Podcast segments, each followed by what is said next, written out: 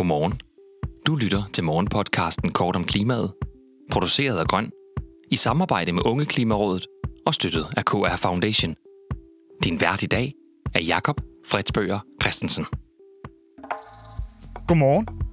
Det er i dag mandag den 26. september, og jeg har udvalgt dagens tre vigtigste klimanyheder til dig. Vi skal et smut til bagen, hvor forskere har fået international opmærksomhed med ny klimaforskning.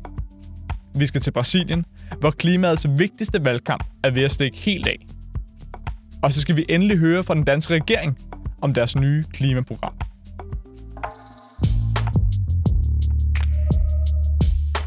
I forskningskredse er det blevet stadig mere hipt at pege på befolkningsvækst som årsagen til klimaforandringer.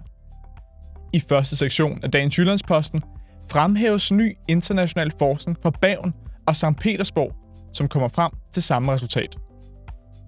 Forskerne konkluderer, at 80% af den stigende lufttemperatur i Arktis kan forklares med stigende befolkningsvækst på jordkloden, mens de resterende 20% skyldes naturlige ændringer i klimaet. Jyllandsposten får ikke understreget, at der er forskel på korrelation og kausalitet, men det er en vigtig del af fortællingen. Ellers kan vi jo i rige lande bare fortsat forbruge mere og brænde flere fossile brændsler af, hvis klimakrisen alligevel bare skyldes befolkningsvækst og naturlig udsving. De norske og russiske forskere mener, at vi i samfundet er politisk berøringsangst over for at tale om nødvendige reduktioner i befolkningsvækst. Og de bakkes op af Sebastian Mernil fra Syddansk Universitet, som er en af hovedforfatterne på den seneste IPCC-rapport. Den globale fertilitetsrate er dog allerede kraftigt faldende, og ifølge FN's befolkningsfremskrivninger vil hver kvinde i 2050 få 2,2 børn i gennemsnit. Altså kun en tødel over de 2,1 børn, som sikrer en stabil population.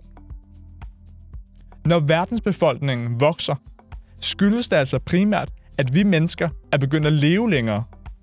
I det perspektiv er det nok rigtigt vurderet af forskerne, at det er politisk sensitivt at advokere for det modsatte.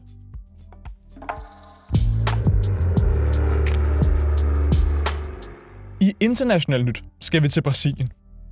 Landet, som rummer Amazonas og spiller en afgørende rolle i at forhindre skovrydning på stor skala, er også gået helt valgkampsamok.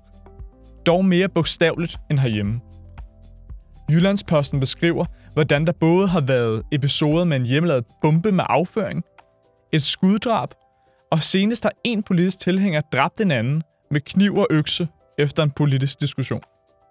Brasiliens højre radikale præsident, Jair Bolsonaro, står i meningsmålingerne til at tabe det kommende valg, da han er 10 procentpoint bag ved sin modstander, den tidligere præsident Lula da Silva. Bolsonaro har erklæret, at hans egen fremtid byder på enten fængsel, død eller sejr. Og har i samme ombæring fortalt sine følgere, at hæren er på vores side.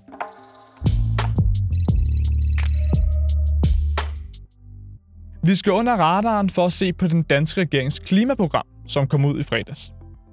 Hovedoverskriften har siden offentliggørelsen været, Danmark er tre fjerdedel af vejen mod klimamålet i 2030.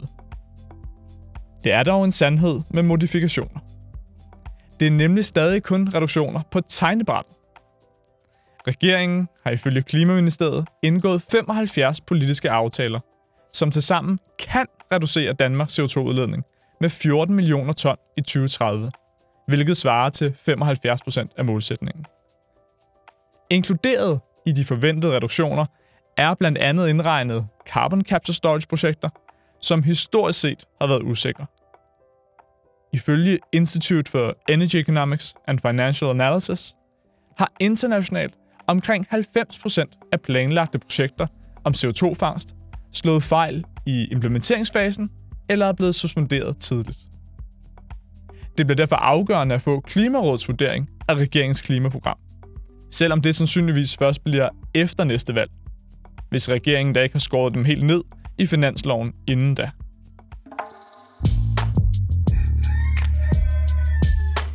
I dagens solstrålehistorie er Willumfonden og Realdania gået sammen om projektet Boligbyggeri fra 4 til 1 planet.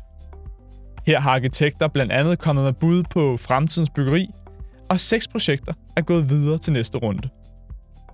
Blandt projekterne er Matter of Space med halmværk, som benytter halm som den primære byggeressource. Henning Larsen Arkitekter, der vil fortætte eksisterende bygninger med såkaldt podning. Og reværk med naturrækkerne, hvor groede materialer indgår sammen med lerjord. Der mangler altså ikke spændende visioner for fremtidens byggeri. Tak fordi du lyttede med til Kort om Klimaet. Vi har alle ugens hverdag udsendelsen klar kl. 8. Hvis du vil høre den med det samme, så gå direkte ind på vores feed på kortomklimaet.dk.